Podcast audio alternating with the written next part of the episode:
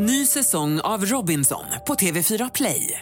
Hetta, storm, hunger. Det har hela tiden varit en kamp. Nu är det blod och tårar. Fan händer just nu. Det. är Detta är inte okej. Robinson 2024, nu fucking kör vi! Streama söndag på TV4 Play. Eh, ska vi rulla igång det här bandet eller?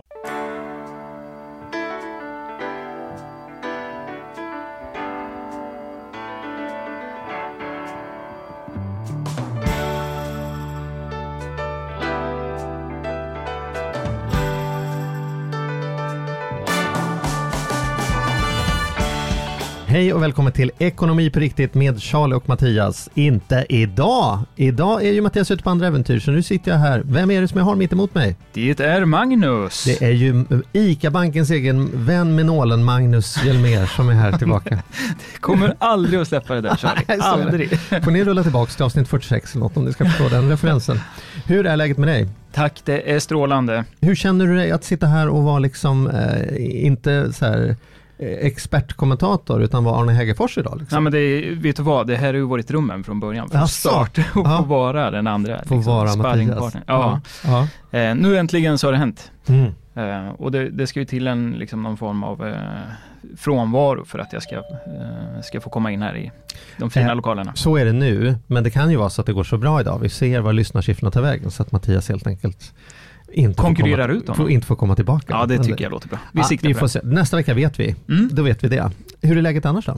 Jo men eh, det rullar på tycker jag. Mhm. Det, eh, det har ju kommit eh, lite vinter ute. Det kan man ju Mm. gott säga. Ja, Jag kom hem från Spanien i sent igår kväll. Det är skillnad ja jag förstår det. äta sin frukost Hur- ute. och, Hur stor temperaturskillnad är det? Ja, vi hade väl en runda där på i alla fall 21 grader tror jag. Oj, jösses. Och så motsvarande kom hem till då minus 13. Ja, Ska vi rulla igång den här eh, tombolan då? det tycker För jag. vi har ju en gäst med oss idag. Idag ska vi prata om eh, sparande och investeringar. Det kommer bli väldigt, väldigt spännande. Vi träffar ju alltid gästen lite innan förstås. Vi, det är inte som att han bara dyker upp bakom ett draperi här, utan vi har ju fikat och lärt känna. Och här har nu tre gånger i förfikat sagt, nu pratar vi, vi får inte prata med, nu, nu, det där ska vi spela in, det, det, det där tar vi. Så det är väl lika bra att vi kör igång. Det tycker jag. Ska du eller jag? Nej men varsågod.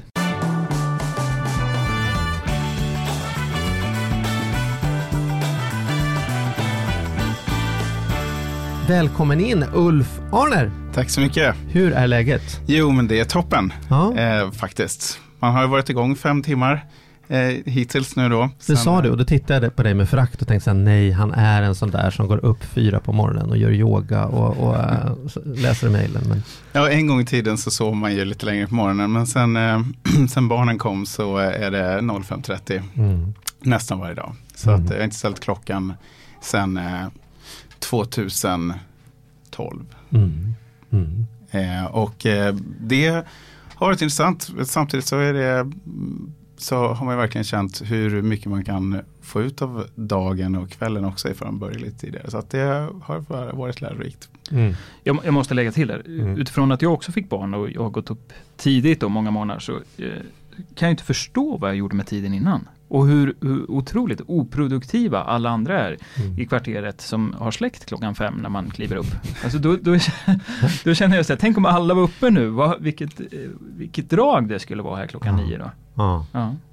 eh, så kan man tänka. Upp tidigare tycker Jag, jag. jag, jag, Nu, tis- nu ser jag att han tittar på oss med förakt. så så så här, min, min absolut främsta hobby, alltså som jag älskar mer än allting annat att göra på fritiden och som jag investerar mycket tid i, det är ju att sova. Alltså jag älskar att sova.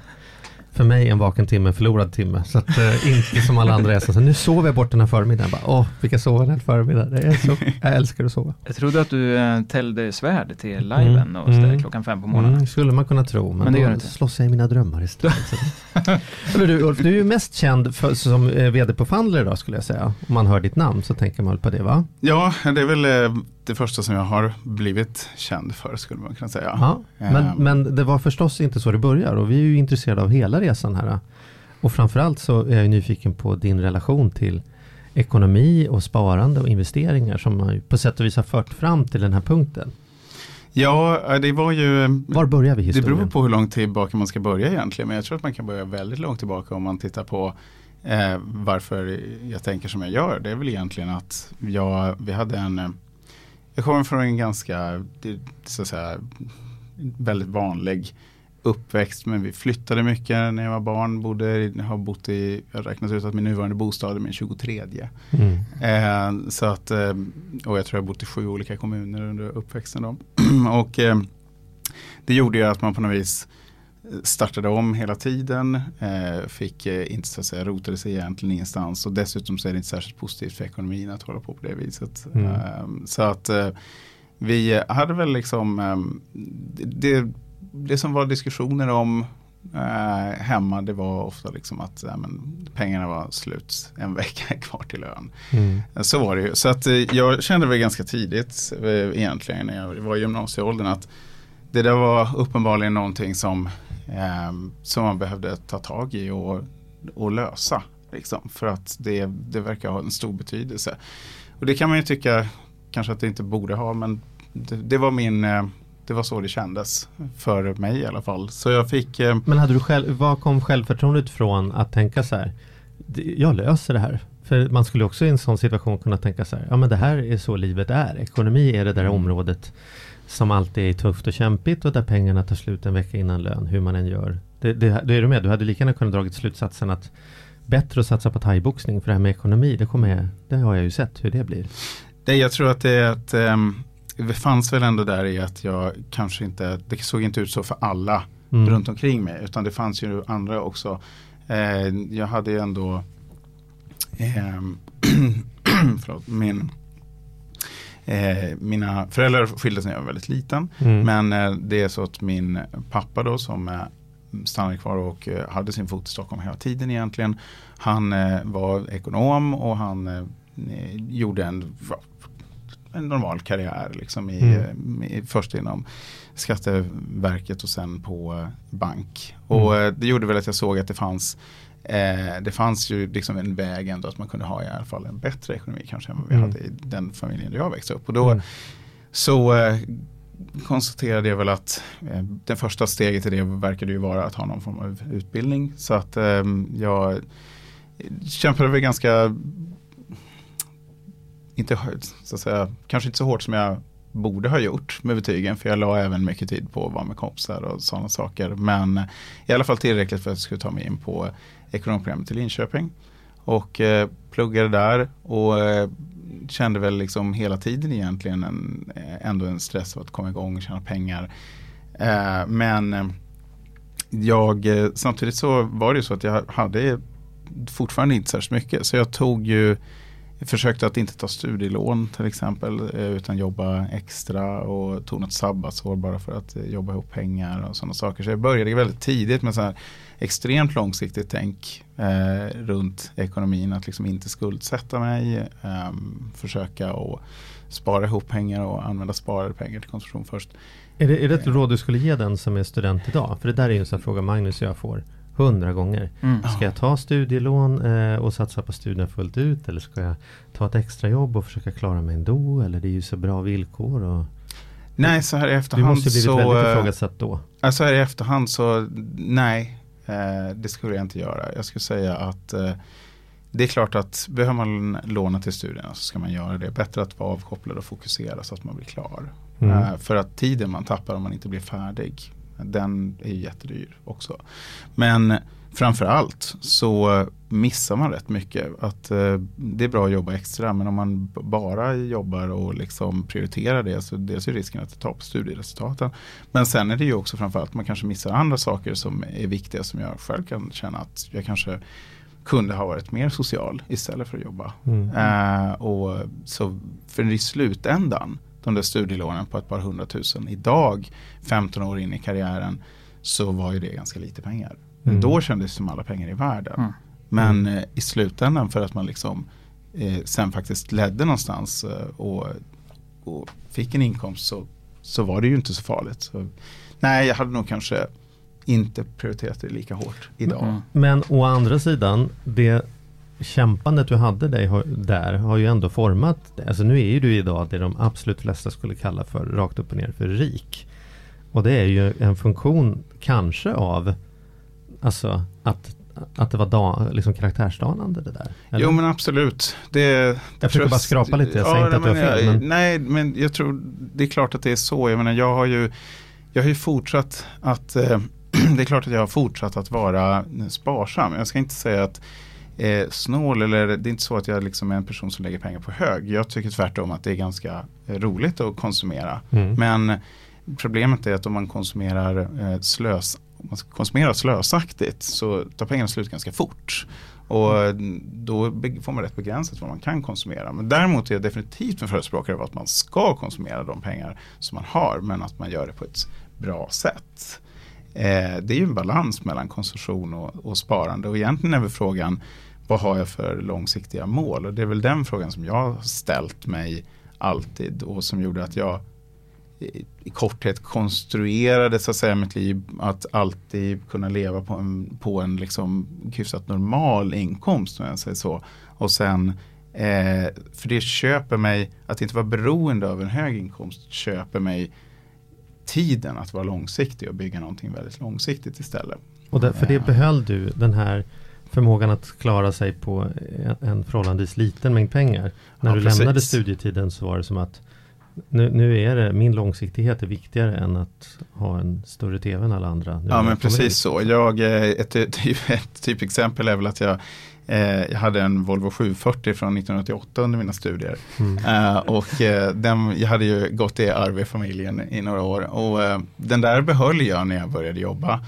Eh, också, så jag flyttade till Stockholm men jag fortsatte att köra med Volvo 740. Så sedermera så sålde jag den då för 7000 kronor tror jag. Mm. Så att, eh, och det var ju bara det att jag hade ju egentligen inte ens behov av en bil. Så att eh, jag gjorde mig av med den efter ett tag och insåg att istället de gånger jag behöver en bil så hyr jag en bil. Mm. Ehm, så att eh, det här det, det tankesättet att så att säga inte eh, att inte lyxkonsumera tidigt när lönerna, när man liksom gick på ingångslön och eh, gjorde ju att jag istället kunde spendera väldigt mycket pengar på i det här fallet då till exempel köpa bostäder eller i viss mån även då investera i eh, fonder primärt som är det jag har använt. Ja men vad, vad, ja kör med. Ja men jag, precis, jag tycker det här är jätteintressant när vi pratar om, om eh, liksom att sätta upp ekonomiska mål långsiktigt. För jag kan uppleva många gånger när man är ute och pratar framförallt att så här, det, det människor saknar är ju någon form av bild vad man, liksom, vilken, vilken vardag skulle jag vilja leva om 10-15 år eller när jag är färdig med studierna eller när jag har fått mina första jobb eller vad vill jag jobba med? Det är mycket fokus på eh, det vi pratar om Mm. som man kanske ska undvika, inkomsten. Så jag ska snabbt tjäna så mycket pengar som jag bara kan. Eh, istället för att kanske snarare fundera på hur skulle jag vilja att mitt liv ser ut. Och därmed ha en tydlig målbild. Att, att det är lätt att dras med också i den här konsumtionshetsen. Att är det någon som köper en ny eh, Toyota Corolla, ja men då kanske man lätt vill uppgradera sin Volvo. I det här fallet också. Men jag tror så här, har man... Till en Toyota Corolla. Ja, jag, jag tänkte att det kanske, det kanske var den man körde då. ja, ja, bra. Ja. Eh, Men att det, lite, det kan vara lite svårt då att hålla fokuset på målet när den här konsumtionshetsen kommer. Och då tänker jag så här, hur, hur skapade du målbilden någonstans framåt? Hur, och hur behåller man den liksom under en lång tid? För det är ju lätt att sladda. Ja, nej absolut. Ja, det, det, det är ju väl, det måste ju vara otroligt individuellt vad man har för målbild. Men för Mm. mig så eh, tror jag att den eh, i princip uppstod när man eh, åkte på Roslagsbanan som barn. Alltså, att eh, den är ganska den är intressant på så vis att ju, alltså T-banorna och Roslagsbanan och så vidare. T-banan så ser man inte så mycket på vägen så det ger kanske inte samma känsla. Men med Roslagsbanan så blir det här med skillnaderna väldigt uppenbara. Man börjar längst ut i, eh, i Vallentuna där jag bodde då. Tittar man på norra Vallentuna så är det ganska eh, liksom enkla områden kanske. Var det då i alla fall. Nu har det gått väldigt lång tid så jag vet faktiskt ärligt inte hur det är där numera. Men ju längre söderut man åkte, ju närmare stan man kom, desto Mm. större och flådigare blev husen och desto nyare blev bilarna. Och någonstans så eh, fick väl någon målbild av att eh, de här eh, villorna som låg nära stan var någon slags eh, ouppnåelig dröm Mm. eh, som fanns där ganska tidigt.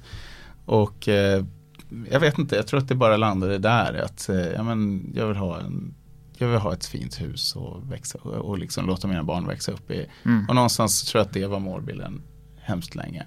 Eh, faktiskt. Ända tills jag då till sist köpte ett sånt hus eh, för ett par år sedan. Just det. Och, men du säger så här, det var någon sån här ouppnåelig bild. Men för dig kan det, måste det ju varit att du någon, hade något möte med dig själv och sa så här, men vänta nu, det kanske är en uppnåelig dröm. Liksom. Alltså jag såg ju bara att det fanns väldigt många som hade gjort det så då kan det ju inte vara omöjligt. Nej.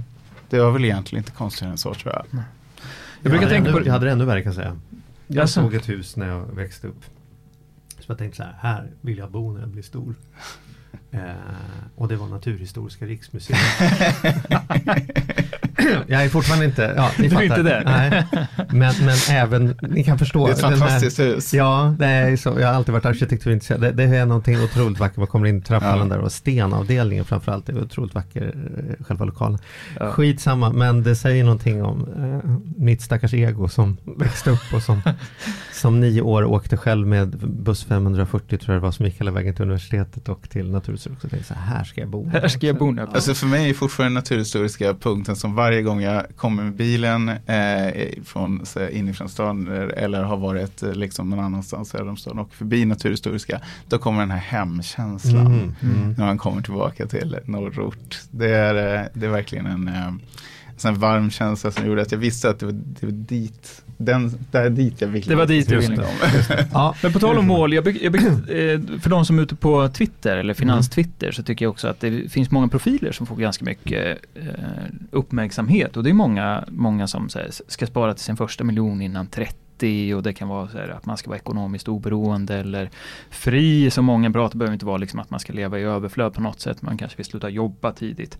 Jag tänker på det här med mål. Jag tror att det är eh, galet viktigt att ha någon, någon form av målsättning för att kunna liksom fokusera på och inte sladda dit och köpa en Toyota Corolla.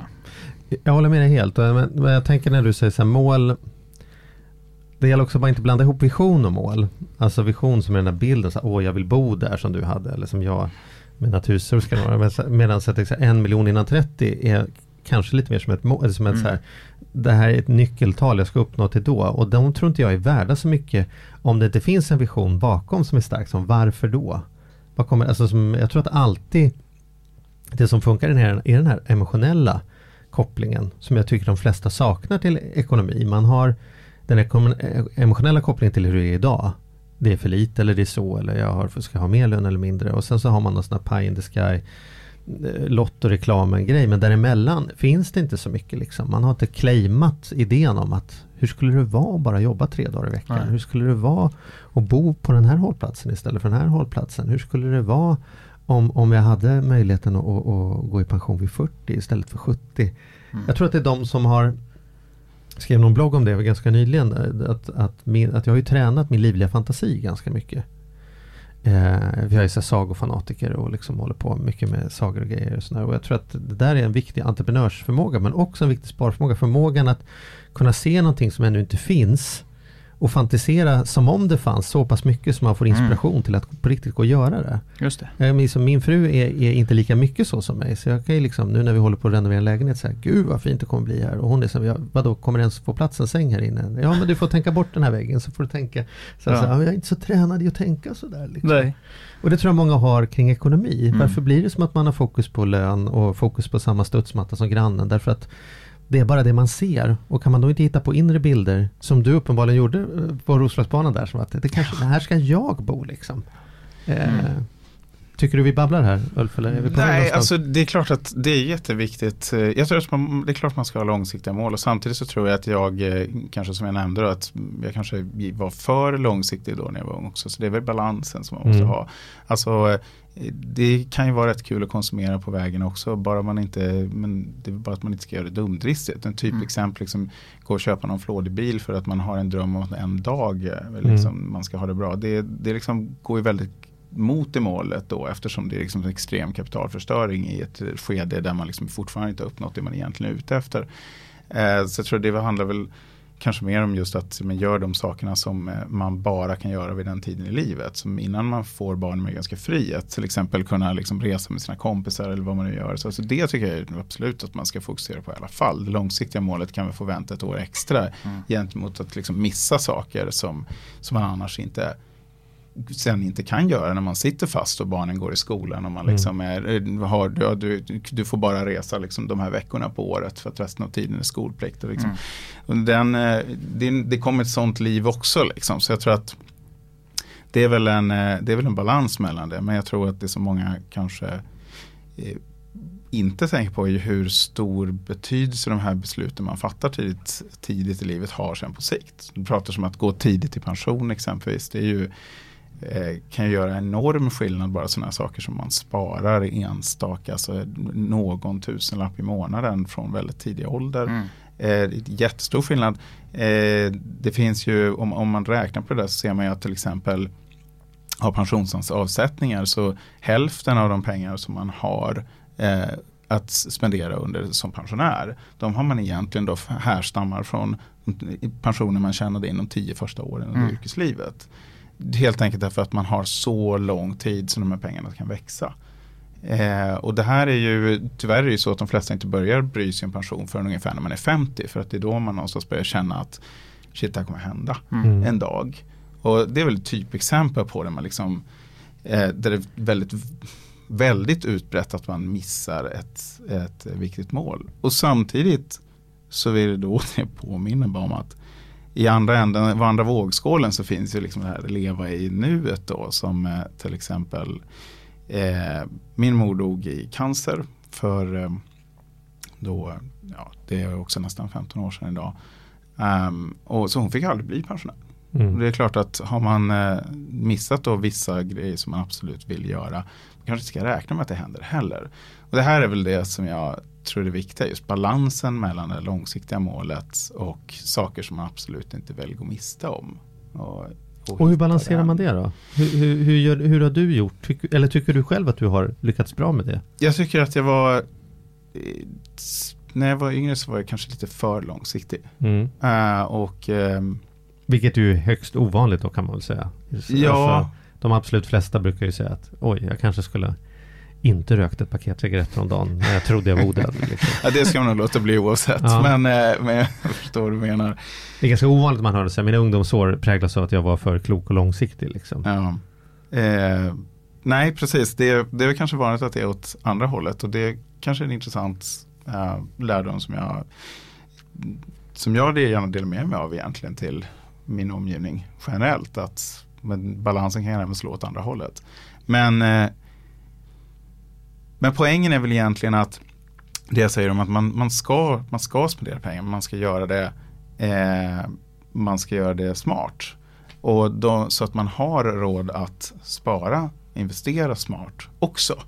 Eh, det är liksom Att köpa enstaka saker som är väldigt kapitalförstörande, det är inte smart. Liksom. Det, det, finns ingen långsiktighet i det. Det finns ingen, det är ingen som kommer komma ihåg den här bilen som du hade eh, ändå. Liksom. Utan det som du kommer ha minne av till exempel, det är ju att du reste med polarna. Det kommer mm. du komma ihåg liksom, för mm. alltid. Så det var ju värt att investera i. Men bilen är ingen som minns. Liksom. Den kostade bara 100 000 fullkomligt i onödan. Mm. Och de pengarna de ska ju in istället i det här långsiktiga målet. De kan ju gå till exempel till att, eh, och ja, lägga grunden då till om det nu är att man har bostadsdrömmar eller om man har eh, liksom någon tanke om eh, att man vill ha en god pension. Eller vilket kanske idag blir allt vanligare och vanligare att man eh, känner att man kanske inte alltid vill ha en anställning utan man mm. känner att ja, men jag vill ha friheten, jag vill vara eh, entreprenör. Eller vad nu är. Man ser ju enorm tillväxt, nästan all jobbtillväxt de senaste 15 åren har ju kommit till små bolag. Det finns i princip ingen tillväxt längre i arbetsmarknaden i de stora bolagen. Eh, och i USA pratar man om att jag minns inte årtalet, men om det är 2025 eller vad det är så kommer 40% av hela arbetskraften att vara eh, egenanställda. Så det är ju en eh, det pågår just nu en otrolig förändring och den, den förändringen för att kunna liksom ta sig in i och, och bli entreprenör och vara det så tror jag att det är två saker som är viktigt. Det ena är ju att man faktiskt har eh, har ett visst startkapital till det. Och det, det kommer man att behöva liksom skaffa på något sätt. Och har man då, när man ska tänka nu ska jag dra igång den där verksamheten, har man då en burn rate som det heter på stockholmska eh, på 45 000 i månaden för villan och bilen och båten. Då måste det in minst 100 000 i månaden för att man ens ska kunna betala sig själv. Och då får man fatta väldigt korkade affärsmässiga beslut för att kortsiktigt få in pengar eh, för att överleva istället för att långsiktigt bygga upp den där verksamheten man vill ha. Va? Ja, precis det är det som jag eh, tänkte komma till i punkt två. Mm. Att eh, se till att den fasta burn raten är låg. Och det är väl den stora fördelen om man startar ett, eh, om man har en företagsidé men är väldigt ung, att man, man har inga kostnader.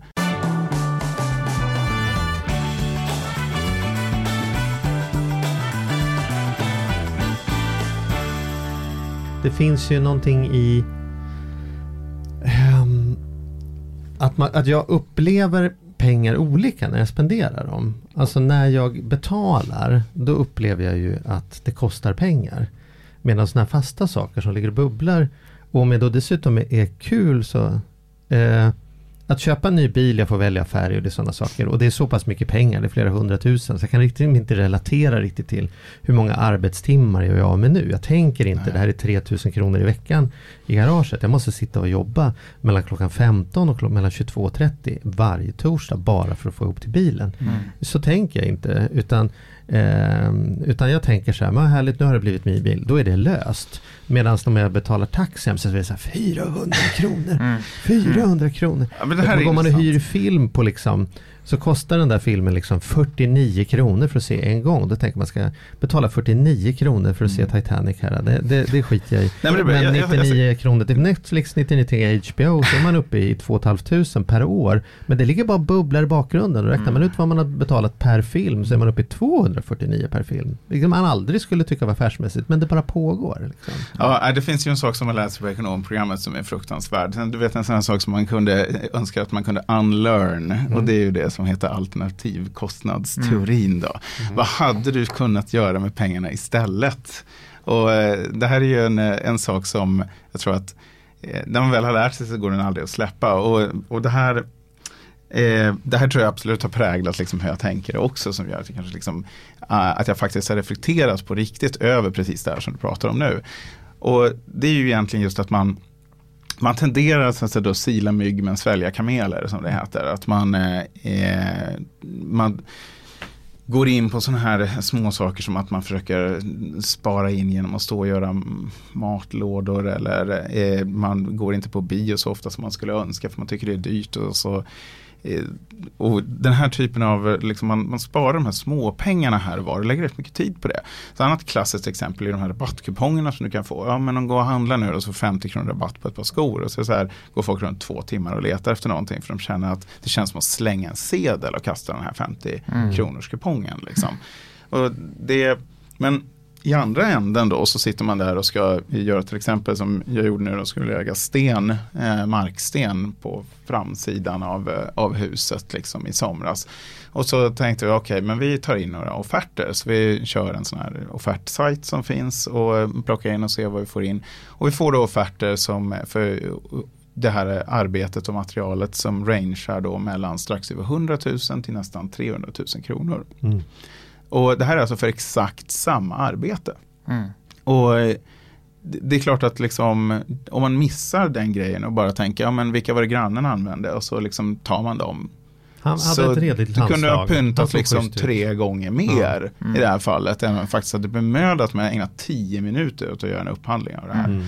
Och där tror jag liksom, Compriser har lärt, har lärt mig att bilförsäkringar är en sån klass att det kan skilja enormt mycket och man på bara ett fåtal minuter kan känna bra. Liksom. Ja, och det gäller ju så oerhört mycket. Jag skulle säga att alltså, liksom, de här prissajterna och, Mm. och, och färgeringssajterna, det är ju definitivt någonting som jag använder varenda gång jag köper något överhuvudtaget. Mm. Uh, så att uh, just för att det handlar inte om att jag inte vill konsumera, men jag vill inte betala i onödan. Och särskilt i ett sånt fall, just tjänster, där det är så, eh, det är ju inte liksom en homogen produkt, den är inte lätt att jämföra heller. Utan eh, för tänka mig att det finns en kvalitetsskillnad i det här och så vidare. Men det, och det är, ju, det är ju svårt. Liksom. Men någonstans så kan man nog faktiskt säga att kvalitetsskillnaden när jag lägger marksten är inte liksom så länge de gör alla sakerna rätt eh, så är det ju en prisfråga. Och, Mm. och liksom, eh, där konstaterade vi att okej, de allra billigaste kanske var liksom eh, inte på topp. Men jag kunde definitivt halvera priset i förhållande om jag bara hade tagit första bästa.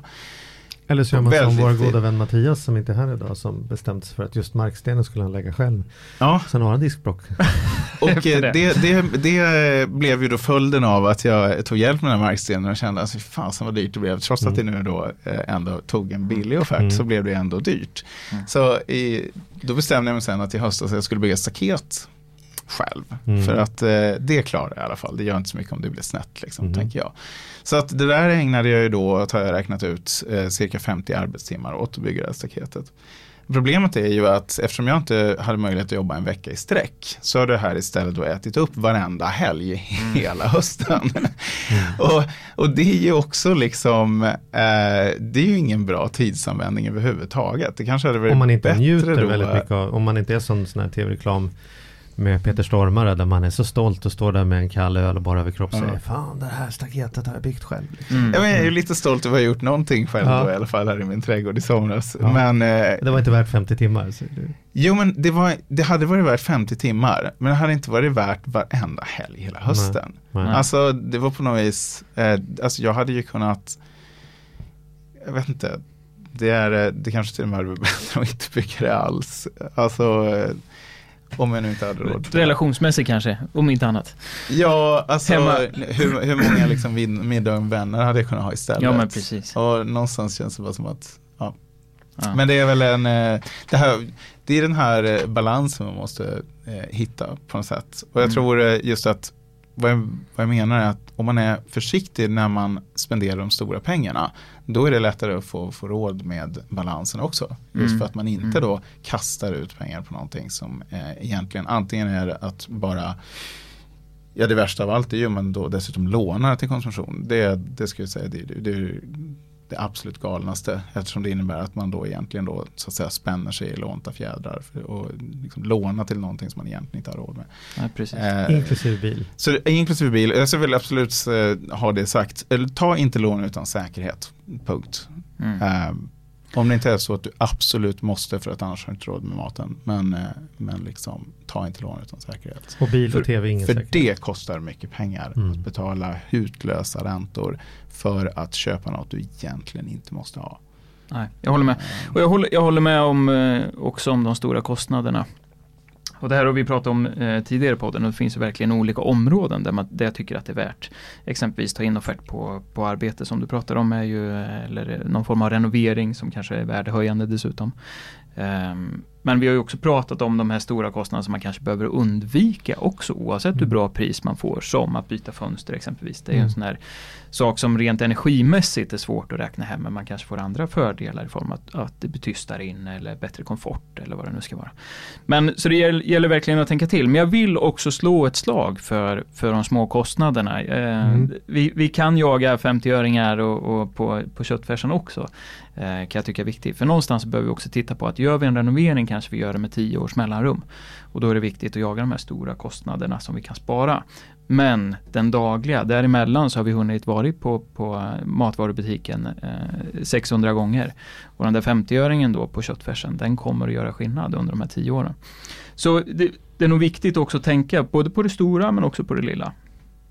Ja, jag satt faktiskt och funderade på här nyligen om jag då som stressad småbarnsförälder borde börja ägna mig åt att handla maten på nätet. Så jag eh, satt mig och började göra en, så jag gjorde en egen matkorg eh, en kväll. Och sen satt jag med och började jämföra olika sajter. Jag konstaterade att det är ganska stora prisskillnader. Mm. Eh, det, är, eh, det skiljer väldigt mycket. Och eh, det, det är, eh, vi pratar om eh, att det kan vara dubbelt så dyrt på en sajt jämfört med en annan. Och jag ska inte säga att det verkar vara helt överensstämmigt med hur mycket reklam de gör. Men det verkar i alla fall någon form av relevans. Att ju mer reklam jag ser för dem, desto dyrare priset. Mm.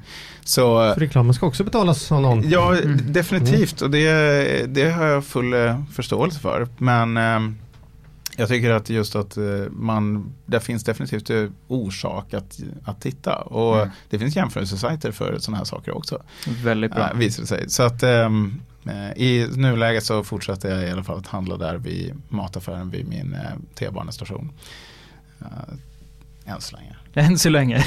Du, Ulf, om vi ska sy ihop säcken här. Om man lyssnar på dig nu och tänker så här, det här är väldigt intressant, men jag känner mig så verkligen som nybörjare. Jag är långt ifrån att räkna alternativkostnadsmodeller och eh, förstå eh, marknadsuppgångar. Kan du ge oss några sådana här eh, kvällstidningslistan? Så kommer du igång med ULF-metoden. Liksom. Ja, Expressen hade ju faktiskt den kvällstidningslistan så svarar du med Ulf då kan du bara eh, 19 december så att, Ja. eh, den kan vi titta på. Men eh, nej, det, det är väl i princip mycket av de sakerna som jag har sagt. De som fattas, det är väl på eh, framförallt just på sparandesidan. Alltså eh, den andra sidan av det. När man har pengar som man sätter av, hur man gör det. Och eh, där, tror jag, där har vi ju en jättestor avvikelse idag från vad som är rationellt och det är ju eh, den enorma mängd pengar som ligger på bankkonton utan ränta. Nu enligt en Comprises jämförelse som de gjorde i höstas så var det 1770 miljarder på bankkonton utan ränta. Det här är ju liksom eh, fullkomligt horribelt faktiskt. För att vi pratar ju om att bara, alltså bara förlusten som svenska folket gör på grund av inflationen på det är 100 miljoner kronor varje dag. Mm. Så det är 100 miljoner varje dag som kapital avbränns på grund av att man liksom inte eh, har någon avkastning på de här pengarna. Och då tänker man, jo men visst, på, det blir mycket pengar på, på de här summorna men det blir inte så mycket för mig. Men grejen är att om man har, alltså 10% av svenska folket idag har en miljon eller mer i likvida tillgångar. Har du en miljon på ett bankkonto utan ränta, då betyder det faktiskt att på fem år så förlorar du 100 000 i köpkraft på dem. Och det där är ju liksom, om vi tittar på svenska 18-åringar så enligt Nordea så, så finns det alltså i genomsnitt om man pratar bosparande som man har fått av liksom farmor och farfar och saker så är det fortfarande i storleksordningen 100 000. Till och med på de pengarna så betyder det att du förlorar liksom 10 000 i köpkraft på bara fem år. Det här är liksom det finns ju alternativ. Vill man absolut inte ha risk så existerar det ju faktiskt eh, konton med ränta. Uh, om man är helt och hållet riskvärt. Men det behöver man ju bara vara om man vet att man ska ha pengarna om ett år. Annars så finns det ju investeringar att göra. Allting från ett år och uppåt kan man investera på ett vettigt sätt. Eh, och det är väl egentligen, eh, utan att liksom gå in på djupet på det, men det är ju egentligen kanske orsaken till att vi startade det bolaget som jag jobbar med varje dag, är just att förenkla så att man så enkelt som möjligt kan göra den typen av investeringar eh, utan att behöva kunna någonting. Och det, är ju, liksom, det här är ju någonting som jag brinner för, som ni, som ni uppenbarligen hör. Mm. Eh, just att man liksom ska det ena är att man spenderar pengarna rätt, men det andra är ju att de pengar man faktiskt sparar, att man då investerar dem smart också.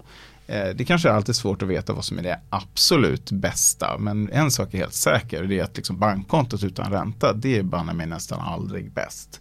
Det är bara bra om du vet att du ska ha pengarna inom en snar framtid, för då är det ju liksom inget inte värt att investera det. Men eh, och den andra faktorn det är väl liksom det här eh, det, det sparandet man har som är på längre sikt. Man till exempel vet man sparar till barn eller barnbarn. Att spara till, till sina barn på ett sparkonto till exempel. Det, det är liksom, vi pratar om att du har 5, 10, mellan 10 och 20 års placeringshorisont med de här pengarna. Det är ju max risk som gäller. Eh, utan tvekan. Samma sak med din pensionssparande. Du ska ha pengarna kanske om 30 år. Till och med om du är 50 idag så är det 15 år till du ska börja ta ut pengarna. Sen ytterligare tar du ut dem under 10 år så det är 5 år till i snitt. Och fick du 20 år. Även om du är 50 idag börjar, placering, börjar pensionsspara så har du 20 års placeringshorisont. Det är klart att då ska de in i något som kommer växa rejält. Det har en jättepåverkan på de, på de tidsperioderna. Så att eh, det är liksom och just i, i pensionssammanhang så finns ju en, en annan fruktansvärd eh, verklighet och det är ju hur kostnadsbilden ser ut för de här pensionsförsäkringarna som man ofta har fått genom arbetsgivaren. Eh, där det inte alls är ovanligt med, eh, med liksom kostnader mellan 2 och 4 procent. Eh, och det är ju eh, om man tittar på, liksom, du pratar om du har 25 år som du ska spara så har du 4 procent i avgift. 4 gånger 25 det är då 100 procent avgift på hela ditt sparkapital. Så att det, vad det betyder i praktiken är alltså att hela din pension skulle kunna ha varit dubbelt så hög om avgiften hade varit eh, liksom, om den hade varit låg, om den hade varit paritet med liksom de, de billigaste lösningarna som finns. Eh, och här är ju, finns ju så himla mycket att göra. Och särskilt nu när vi hamnar i en situation där politiker pratar om att du ska jobba till du är 70. Eh, och eh, jag tror att det är få som vill det. Jag vet att det finns en diskussion om, om eh, liksom folk som tycker att det är roligt att jobba sent. Men jag vet att det finns också väldigt många som önskar att de kunde gå när de är 62. Liksom. Det är mycket roligare att jobba sent om man inte behöver. Ja, Eller hur? Då kan vi väl, det är generellt sett roligare att jobba när man inte behöver. Ja. ja det, är väl- det är väl bara att hålla med om den saken. Det kan, jag kan förstå vad du menar. Det är, eh, det är väl kravet att måste jobba till 70 Mm. som, man, som man gärna undviker kanske. Mm. Sen om man då kommer dit och känner att man vill det, då är det ju fine and dandy. Men om man kommer dit och har ångest varje dag, då eh, är det ju dumt om man hade kunnat göra någonting åt det i tid. Mm. Eh, Så att eh, nej, en, eh, vi, vi kommer att pådyvlas större och större ansvar för pensionerna. Det beror helt enkelt på att befolkningen, vi blir äldre och äldre i snitt. Och det gör att det går inte att i evighet finansiera det här genom skattsedeln utan vi kommer att pådyvlas med mer ansvar för det personligen. Och i det läget så säger då, ehm, då sa min pension som är en, en sta, samarbete mellan staten och försäkringsbolagen då att för att 90-talister ska få samma pension som sina föräldrar så behöver de spara 25% mer kapital. Mm. Och då säger jag att det håller jag inte med om. Det de behöver är 1% lägre avgift i 25 år. Mm. Uh, och det tror jag är mycket mer realistiskt att göra. Och där är en annan liksom viktig poäng med det som, jag, det som inte har kommit eh, i den här världen förut är just digitaliseringen. Den har ju kommit först nu. Det, den har kommit krypande nu de senaste två, tre åren. Och eh, vi, jag var delägare tidigare i ett, så att säga, då ett personligt rådgivningsbolag som hjälpte folk eh, ansikte mot ansikte och kunde konstatera att det som var problemet i den branschen, det som gör att avgifterna ser ut som de gör eh, på pensionsförsäkringar till exempel. Det är ju helt enkelt en fråga om att det är så dyrt att distribuera lösningarna. Det är väldigt dyrt att Man ska ha ett och folk i slips som Ja, och pekar. Och, och de här folket i slips har blivit dyrare och dyrare. För Mm. en tio år sedan så då pratade man att de kostade kanske 1% på det sparade kapitalet. Eh, med alla de regleringar som har införts efter finanskrisen då som idag är tio år sedan. Eh, kors i taket. Grattis Så- finanskrisen. Grattis finanskrisen, tio Ja. år i oktober i Ja, höstas. får tårta. Mm.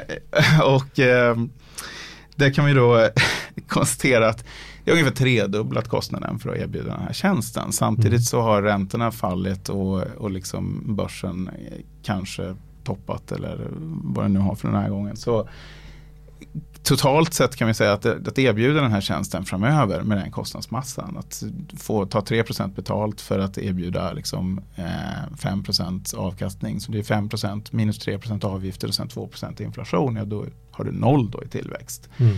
Det är ju inte en hållbar liksom, modell. Det är ju inte något kundvärde i det överhuvudtaget. Och lösningen är att distributionen eh, är digitaliserad därför att då är den kostnaden borta. Och då behöver man bara ta betalt för förvaltningen och det är ingen hög kostnad. Eh, Den kostar typiskt eh, alltså någonstans under en halv procent. Resten av det här är bara kostnader för försäljningen. Så det här kommer vara en jätterevolution för, för liksom normalspararen när det här slår igenom ordentligt i pensionsvärlden också. Det tror jag vi kommer se under 2019, lösningar för pensionerna. Eh, Det är i alla fall vad vi jobbar på. Så Mm. att ehm, det, det hoppas vi på att vi ska kunna göra inom kort. Kul, spännande. Mm. Ulf, lycka till med det arbetet. Fantastiskt kul att få hänga med dig en stund. Ja, tack så mycket. Jag fick komma Eh, hit. Supertrevligt. Mycket tankar. Ja, Eh, Ska vi, vi, vi knyter där. Vi knyter där. Vink i vink. Vink i vink.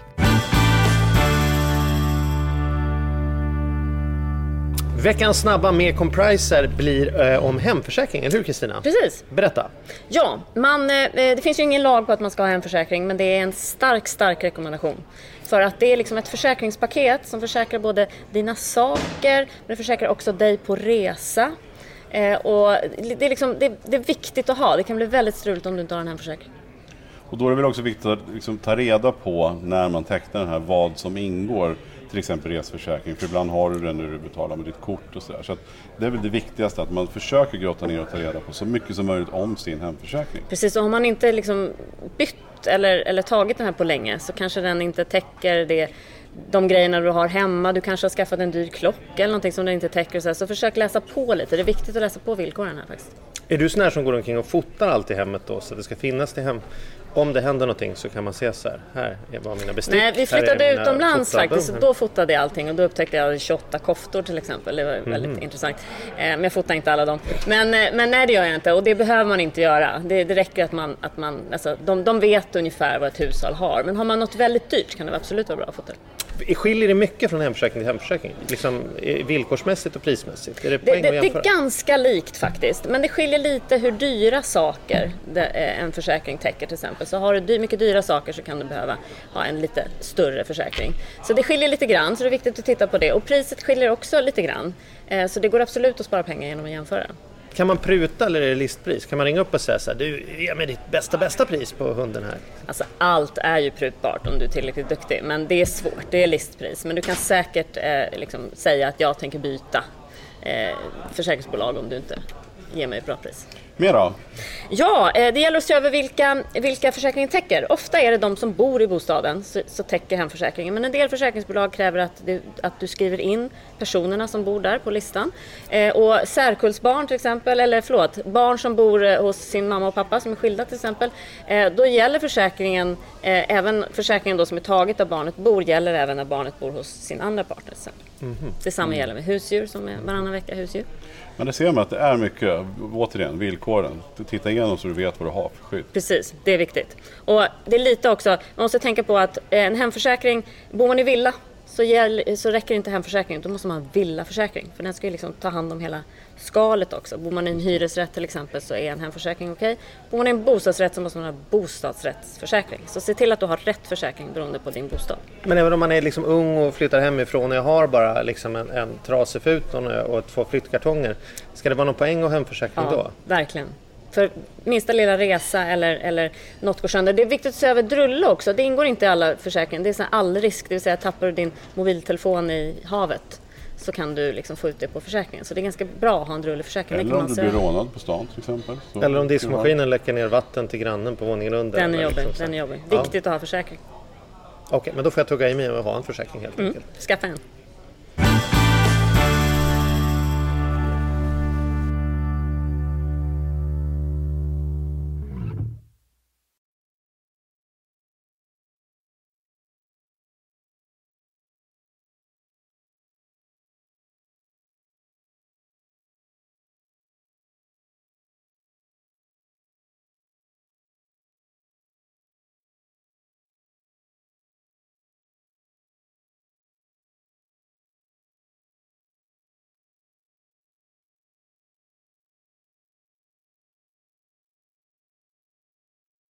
Ny säsong av Robinson på TV4 Play. Hetta, storm, hunger. Det har hela tiden varit en kamp. Nu är det blod och tårar. liksom. Fan händer just nu. Det. är Detta är inte okej. Robinson 2024, nu fucking kör vi! Streama söndag på TV4 Play.